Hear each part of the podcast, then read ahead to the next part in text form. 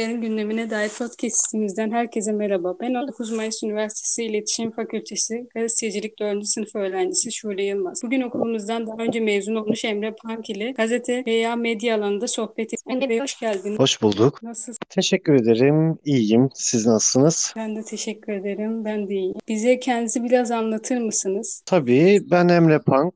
E, Samsun'da yaşıyorum. Samsun'da doğdum. E, daha önce e, Haber Aksi Televizyonu'nda çalıştım Samsun'da 5 yıl kadar. Oradan ayrıldıktan sonra Radyo Gerçek'te 1,5 yıl kadar çalıştım. Ve şu an Büyük Anadolu Hastanelerinde kurumsal iletişim departmanında çalışıyorum. Bu şekilde. Ve yüksek lisans yapıyorum 19 Mayıs Üniversitesi'nde e, yeni medya ve iletişim bilimlerinde. Size gazeteciliğe yönelik çalışma hayatınız nasıl başladı? Kısaca anlatır mısınız? Bunu size iten bir hikaye ya da küçük bir şey var mı acaba? Ya aslına bakarsanız e, benim böyle geriye dönük baktığımda anlatabileceğim bir hikayem yok. 2 yıllık işletme okumuştum. Sonrasında e, işte o bölüme dair çalışabileceğimi düşünmedim. Hani kısa bir deneyimim oldu ama olmadı. Bana göre olmadığını düşündüm ve sonra radyo ve televizyon teknolojileri bölümünü okudum 2 yıl. Onun ardından üniversitedeyken olimpiyatlarda görevler aldım. Uluslararası olimpiyatlarda basın birimlerinde, departmanlarında ve sonra bu mesleği sevdiğimi ve medyayı, basını sevdiğimi fark ettim. Onun ardından televizyonda işe başladım 2012 yılında. Hatta şöyle bir e, yani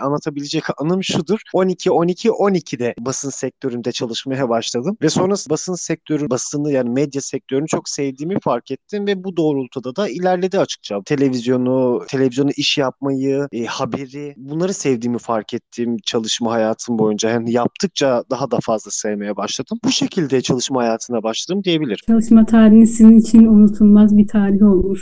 evet kesinlikle. 12 12 12 yani ciddi anlamda hiç unutmayacağım bir tarihtir. Güzel. Ee, Peki gazetecilik mesleğine yönelik gerek radyoda gerek TV haberciliğinde gerek sosyal medya yönetmekte gerek montaj, spiker, programcı, muhabirlik gibi birçok alanda çalışan biri olarak gazetecinin geleceğine dair neler düşünüyorsunuz? Neler söylemek istersiniz? Gazetecilik gelecekte yani nasıl diyeyim evriliyor sürekli gelişen teknolojiyle birlikte. İşte haber alma olgusu, haber yapma e, bunlar tamamen teknolojiyle beraber evrilen şeyler. Öncesinde gazeteler vardı. Gazeteler yani hala gazeteler var ancak başlardaki o geleneksel medya sürecini ilerletemiyor. Yani sürekli bir kan kaybediyor. Tamamen bitmedi gazete mesela hani basım olarak ama ciddi anlamda yara aldı. E, çünkü artık teknolojiyle beraber e, telefonlarımızla e, tüm haberlere ulaşabiliyoruz. Elimizin altında e, yani hemen hemen herkesin elinde artık akıllı telefonlar mevcut. Akıllı telefonlardan da bu gazetecilerin yapmış olduğu e, haberlere çok daha kolay ulaşma imkanına sahipler. O yüzden de biraz değişti. Yani evrimleşti diyebiliriz aslında bakarsanız. Gazetecilik sektörü değil de gazetecilerin yapmış olduğu işler tamamen teknolojiyle beraber artık bütünleşti. Çünkü insanlar bulunduğu yerden haberi hani haberin yapıldığı yere gitmeden bir iki fotoğrafla eline gelen fotoğrafla ve birkaç bilgiyle beraber yine ellerine ulaşan bilgiyle artık haberi oluşturup servis edebiliyorlar. Bu bağlamda gazeteciler artık sahadan ziyade bulundukları yerlerden de haberleri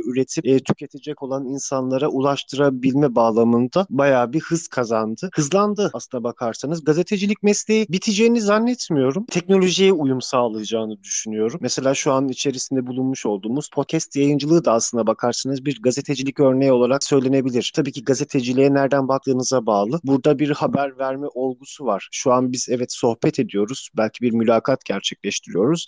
Ama bu podcastler yine günün özetini sunacak şekilde de düzenlenebilir. Bu da e, yeni nesil medya, yeni nesil gazetecilik olarak adlandırılabilir aslına bakarsanız. Bu bağlamda hiçbir zaman haber alma, haber verme olgusunun e, bitmeyeceğini e, ve gelişen teknolojiyle beraber değişeceğini söyleyebiliriz. Yani en azından ben öyle düşünüyorum. Evet, sizin de dediğiniz gibi gelişen teknolojiyle birçok elinde telefon kamerası olan bile haber yapabiliyor. Yurttaş gazeteciliği de aynı şekilde ortaya çıktı. Ya şöyle, kesinlikle yurttaş gazetecilik bağlamında artık hani her birimiz bir yurttaş gazeteci e, olarak nitelendirilebiliriz. Şöyle ki artık insanlar dışarıda bir olay gördüklerinde direkt telefonlarına sarılıyorlar. Yani mesela bir kaza haberi diyelim. İnsanlar bir gazeteci edasıyla hemen telefonlarına yöneliyorlar ve çekmeye, fotoğraflamaya veyahut da videoya almaya çalışıyorlar. Aslında yapması yani şöyle bir şey vardır. Gazeteci bir kaza anında ne yapmalı ilk hani diye sorduklarında gazeteciye işini yapması söylenirdi ve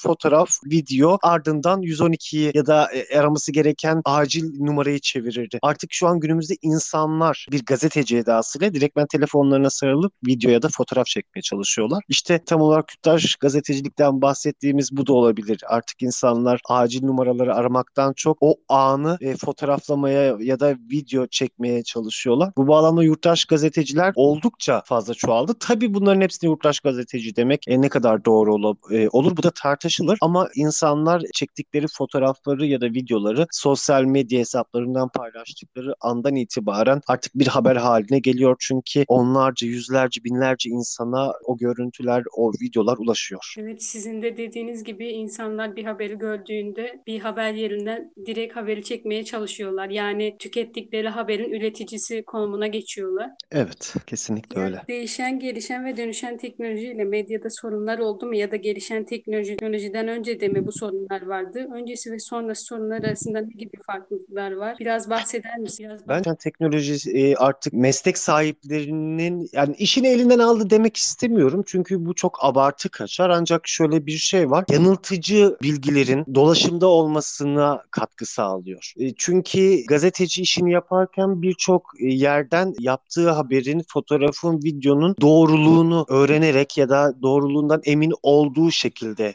haberi servis etmeye çalışıyor. Ancak günümüzde gelişen teknolojiyle beraber insanlar e, yanıltıcı bilgilere ulaşabiliyor. Yani yanıltıcı bilgilere maruz kalıyorlar. Haberin doğruluğunu doğruluğunu gözetmeden e, hemen bildiklerini aktarmaya çalışıyorlar. E, bu haber doğru mudur? Hani böyle bir söylem var ama bunun e, alt metninde ne yatıyor? Aslında ne oldu? Ne yani bu konu bu fotoğraf hakkında biz ne biliyoruz? Çünkü e, fotoğraflar yayılıyor ve her bir kullanıcı o fotoğrafı farklı bir anlam yüklüyor. E, artık insanlar e, ellerindeki akıllı telefonlarla istedikleri kelimeleri yazarak, e, istedikleri açıklamaları yazarak bunları servis edebiliyorlar. Paylaşımda dolaşabiliyor bu bilgiler. O bağlamda ılıkları ve dezavantajı bu olsa gerek. Yalan haberler, yanıltıcı haberler, e, asılsız haberler, e, farklı bir fotoğrafın altına ya da meydana gelen bir olay, farklı bir hiç alakası olmayan bir fotoğrafla Facebook'ta, Twitter'da, e, Instagram'da dolaşmakta, dolaşım olmakta. Bu bağlamda mesela doğruluk payı nedir bu haber? Bu bağlamda insanların bilgi kirliliği diyebiliriz buna daha doğrusu. O kirlilik çok daha fazla oldu. Bu mesleği yapan insanların yaptığı haberler belki bir birden fazla yerde doğrulanılabilirken o insanlar doğruluğu olmayan haberlere inanıyorlar belki de. Bunu söyleyebiliriz bence.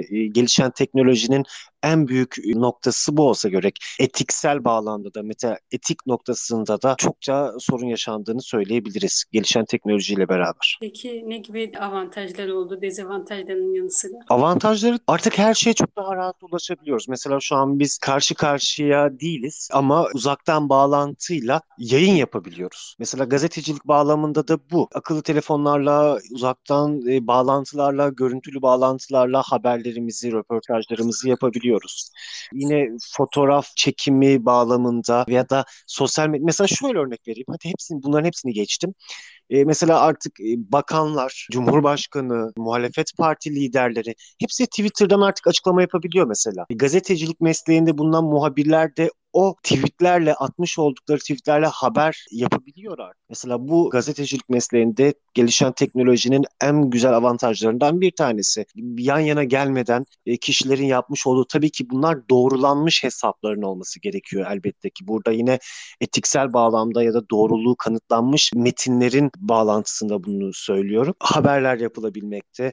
Artık yan yana gelmek zorunda değiller. Yine bir akıllı telefonla hem ses kaydı alıp hem fotoğraf çekip hem video da e, çekebilirsiniz. Bunun için ekstra bir şeye ihtiyacınız olmadan yayın yapabilirsiniz. Bunlar teknolojinin getirdiği güzellikler arasında yer alıyor. Tabii ki keşke işin ehli insanlar yani ehlinden kastım e, yine eğitimini almış bir haberi yazarken nelere ihtiyaç duyduğunu bilmesi gerekir. Doğruluğundan emin olmadan o haberi yayınlamaması gerekir. Elbette bunları unutmamak gerekir. Evet sizin de dediğiniz gibi gelişen teknolojiyle hız büyük bir önem kazandı. Haberi anında yapıp ben daha önce gideyim bir hız olduğu için insanlar güvenilirliğini ya da gazetecilerimiz de bazen göz ardı edebiliyor. Güvenilirlik arka sırada kalıyor. Oysa Oysa ki hız da güvenilirlik de ikisi bir arada gitmesi gereken şeyler. Elbette ama hızlı olmak için yanlış haberleri de yapmamak gerekir. Mesela bu işte siz diyorsunuz ya hız. Evet artık şu an internetle beraber e, birçok haber sitesi, birçok haber kuruluşu ilk önce haberi ben yayınlayacağım. İlk önce haberi ben servis etmek istiyorum derken bazı noktaları kaçırıyor da olabiliyor. Haberin tamamen doğruluğu olmadan da hızla ben bu haberi yayınlayayım ve çok fazla tık alayım. Tık haberciliği de artık kötü olmaya başladı. Güvenilirlerin yıkımı bağlamında bu da çok e, zedeleyici bir durum. E, çünkü artık hemen bir sıcak gelişme son dakika bu haberi ayrıntılar birazdan tek bir cümleyle bir haber yapılmaya çalışılıyor. Ama bunun background'u beklenmiyor. Belki evet hız önemli ama doğru ve içeriğin tam olarak servis edilmesiyle doğru hızlı olunması gerekir diye düşünüyorum ben. E, birden fazla siteden haberi takip edebilir mesela. Şöyle olduğunu düşünüyorum. Maalesef günümüzde biraz söylemek ne kadar doğru bilmiyorum ama bu tamamen şahsi düşüncem çok fazla taraf olunuyor. Yani bir okuyucu olarak ben X tarafındaki haberi de okumalıyım. Y tarafındaki haberi de okumalıyım. Z tarafındaki haberi de okumalıyım. Tek bir taraftan haber okumamak gerekir. Tek bir kanaldan haber izlememek gerekir. E, diğer e, seslere de kulak vermek gerekir diye düşünüyorum. Çünkü evet yani haberciliğin hani bence haberciliğin bir tarafı olmamalıdır. Habercinin görevi kamuoyuna haberi iletmek olmalıdır. Yani benim amacım e, kamuoyunu bilgilendirmek. Hani ben şu ben e, bu yani maalesef günümüzde takım tutmak gibi bir durum haline geliyor habercilik ya da haber yayıncılığı yapan kişilerin bulunduğu mecralar. Ama e, asla haberciliğin bu olmadığını düşünüyorum. Habercilik tamamen kişinin kendi duygularından arındırılmış, tamamen olan şeyi aktarmaktır diye düşünüyorum açıkça söylemek gerekirse. Bu bağlamda insanlara benim yani medya okur yazarlığının temellerinin iyi atılması gerekir. Bir, bir haberi birden faz, farklı kaynaktan okumak, teyit etmek. İnanmadan önce birden farklı mecrada bunu okumak ve ne doğruluğu ispatlanmış kaynaklar tarafından okunulması gerekir diye düşünüyorum. Ve şunu da eklemek isterim açıkça söylemek gerekirse. Sosyal medya hesaplarında her yayınlanan habere, görsele, videoya inanmamalarını, doğruluğundan emin olmaları gerektiğini düşünüyorum. Çünkü e, çok fazla yanıltıcı görsel, çok video dolaşımda bulunuyor. İnsanlar maalesef sosyal medyalarını daha popüler hale getirmek için videoları yayınlıyor e, alakasız şeylerle beraber yayınlıyor. İşte bu bağlamda biraz daha ayırt edici etmek gerekir. Biraz daha doğruluğundan emin oldukları e, kanalları, mecraları, haber sitelerini takip etmelerini öneririm. Yani daha bilinçli ve medya okur yazar olmamız gerekiyor bir nevi. Kesinlikle. Son olarak Samsun'da medya alanındaki birçok farklı alanda çalışan biri olarak Samsun'un yerel basını ya da genel yerel basın hakkında neler söylemek istersiniz? Yerel basın hakkında neler söylemek isterim? Evet iki farklı kuruluşta çalıştım yerel medya bağlamında. Samsun'da açıkça söylemek gerekirse işini çok iyi yapan gazeteci arkadaşlarım var. Oldu da mesleklerini icra etmeye çalışıyorlar. Ancak maalesef içerisinde bulunmuş olduğumuz mevcut durumdan ötürü çok e, çok demin de farklılıklar pek yans yansımayınca insanlar tüm kesime hitap eden bir e, şey yerel basın olduğunu düşünmüyorum açıkça söylemek gerekirse. Samsun içerisinde de biraz farklılığa ihtiyacımız var diye düşünüyorum. Biz yerel basın belli bir haftelerini incelemiştik. Yani gazete gözlemlediniz. Biz ona belediye haberciliği diyoruz açıkça söylemek gerekirse sektör içerisinde çalışırken. İşte tam olarak kastetmek istediğim buydu zaten. Farklılıklara yer verilmiyor. Yani şöyle de bir durum var. E, bunda göz ardı etmemek gerekiyor. E, malum yaygın medyanın, yaygın basının da durumu ortada. Malum ekonomik koşullardan ötürü e, sonuçta istihdam sağlanan gazeteciler, gazetecilik mesleğini yapmaya çalışan arkadaşlarımız da var. E, saygı duyuyorum hepsine. Ciddi anlamda hani benimseyerek, isteyerek bu mesleği yapan arkadaşlarıma ve e, abilerime, ablalarıma yani saygı duyuyorum. Ama ekonomik koşullardan ötürü tabii bazı şeyler yapılması yapılıyor belki de. Ha bunun doğruluğunu e, oturup tartışmak gerekir. E, ne kadar doğrudur ya da buna bunu yapmaya mecbur e, bırakılan durumlar mıdır bunlar? Bunları bir sorgulamak gerekir. Yani başka bir çıkarı yok mudur? Yani ekonomik koşullar belki de buna insanları e, götürüyor diyebil diyeyim yani. İstihdam sorunu demişken diğer mesleklerde olduğu gibi medya sektöründe de eleman ya da istihdam sorunu var mı ya da ne gibi sorunlar var? İstihdam sorunu şu an içerisinde bulunduğumuz mevcut durumdan ötürü tüm sektörlerde var. Ama gazetecilik sektöründe e, ekstradan bir e, durum mevcut. Çünkü biraz önce de söylediğimiz ekonomik koşullar, gazeteciliğe bağlanan ekonomik koşullar farklı bir durumlara yani gazetecilik sektöründeki istihdamı artırmak için farklı kulvarlarda ilerlenmesi gerekiyor. Ama şunu da söylemek mümkün. E, biraz önce belediye haberciliği dedik. E, mesela Atakum Belediyesi'nin kendisine ait bir kanalı var. Şehir Belediyesi kendisine ait bir YouTube kanalı açtı yine keza. E, sanıyorum bunu takiben Canik Belediyesi de açar, Belediyesi de açar.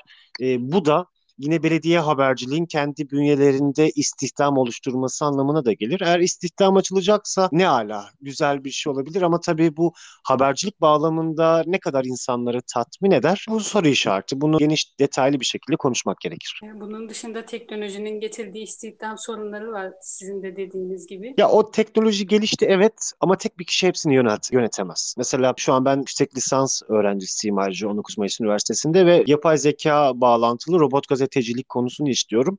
Mesela şöyle bir sorunlar, şöyle sorun gündemdeydi. E, ülkemizde olmasa bile en azından dünya şunu, robot gazeteciler geliyor, insan gazetecilerin sonu mu? E, hayır değil. Robot gazeteciler olsa bile o robot gazeteciler rutin haberleri, işte deprem asayiş tarzında haberleri yapacaktır ama insanın insana ihtiyaç duyulan özel haberlere de e, gerek duyulacaktır. Bu bağlamda insan gazeteciler hiçbir zaman yok olmayacaktır. Yine o teknolojiyi idare edecek insanlara ihtiyaç var. Bu bağlamda hiçbir zaman insan faktörünün basın ya da medya sektöründe yok olacağını düşünmüyorum. Teşekkür ederiz bilgileriniz için. Emre Bey ile gazetecilik ve medya alanında konuştuk. Kendisine katılımından dolayı teşekkür ederiz. Biz sohbet ederken çok keyif aldık. Umarım siz de dinlerken keyif alırsınız. Kendinize iyi bakın. Sağlıcakla kalın. İyi günler. Thank you.